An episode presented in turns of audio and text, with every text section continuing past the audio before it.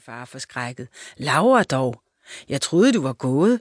Hvorfor gemmer du dig i græsset som en lille præriehøne? Far, sagde Laura, hvorfor kan jeg ikke hjælpe dig med høet? Må jeg ikke nok, far, og lad mig prøve. Far lettede på hatten, lod fingrene løbe gennem sit svedige hår, så det kom til at stride lige i vejret, og lod blæsten blæse igennem det. Du er hverken særlig stor eller stærk, lille halvpot. Jeg går i mit 14. år, sagde Laura. Jeg kan hjælpe dig, far. Det ved jeg, jeg kan. Slåmaskinen havde kostet så meget, at far ikke havde penge nok til overs til at betale lejet hjælp. Han kunne heller ikke bytte sig hjælp til, for der var endnu kun få kolonister her i det nye land, og de havde nok at gøre hver især på sin jordlod. Men han måtte have hjælp til at stakke hyet. Nå ja, ja, sagde far. Det er jo umuligt, du kan. Vi prøver. Hvis du kan, men sanden, om vi så ikke klarer hele høhøsten selv. Laura kunne se, at der faldt en sten fra fars hjerte ved tanken, så hun skyndte sig hjem til huset for at fortælle mor det. Jo, det kan du måske nok, sagde mor tvivlrådigt. Hun kunne ikke lide at se kvinder arbejde i marken. Det var kun udlændinge, der gjorde den slags. Mor og hendes pigebørn var amerikanere og nedlod sig ikke til at gøre mandfolk arbejde.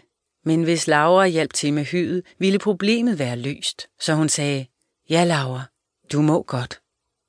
Carrie tilbød ivrigt sin hjælp. Jeg kan bære drikkevand ud til jer. Jeg er stor nok til at bære dunken. Carrie var næsten 10 år nu, men temmelig lille af sin alder. Og jeg vil gøre din del af arbejdet i huset for uden min egen, tilbød Mary glad. Hun var stolt af, at hun kunne vaske op og resenge lige så godt som Laura, skønt hun var blind. Solen og den hede blæst tørrede græsset så hurtigt, at far rev det sammen næste dag.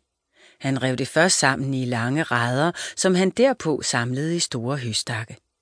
Tidligt næste morgen i de kølige daggry, med lærkerne syngende højt over deres hoveder, kørte Laura og far ud i marken på høstvognen. Der gik far ved siden af vognen og kørte hestene ned langs rækkerne af høstakke. Ved hver høstak stansede han hestene og forkede høet op i vognen. Det kom væltende i løse lette masser over høhækkens høje kant, og Laura stampede det sammen. Op og ned og frem og tilbage trampede hun over det lyse hø med alle de kræfter, hun havde i benene, mens den ene forkfuld hø efter den anden kom væltende ned til hende. Og hun blev ved med at trampe hyden ned, mens vognen skrumplede videre til den næste stak, hvor far begyndte at forke hø op i vognen fra den anden side. Under hendes fødder voksede høet højere og højere op i vognen, så fastdampet som hø kan blive. Op og ned, hårdt og hurtigt arbejdede hendes ben hen langs høhækken og tilbage igen og tværs over vognen. Solskinnet blev varmere, den søde, stærke duft af hø steg op mod hende.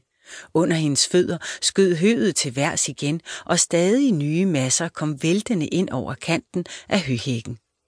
Efterhånden som det fastdampede lag hø under hende blev tykkere, kom hun højere op. Hendes hoved stak op over høhækken, så hun kunne have set ud over prærien, hvis hun holdt op med at stampe hø et øjeblik. Så var høhækken fuld af hø, og der blev stadig ved med at komme mere flyvende for fars høtyv. Laura var meget højt oppe nu, og det glatte hø skrånede nedad rundt om hende, men hun blev omhyggelig ved med at stampe og stampe.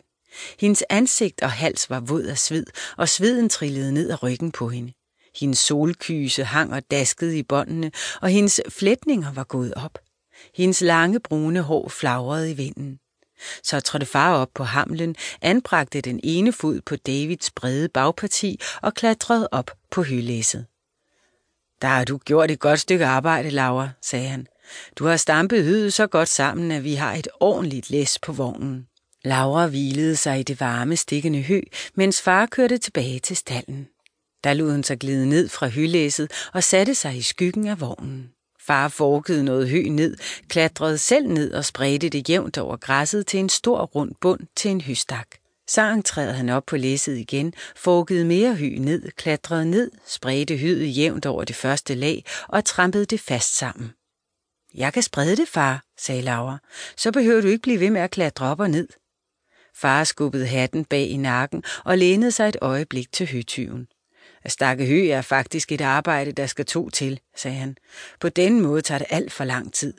En god vilje hjælper meget, men du er ikke ret stor, lille halvpot.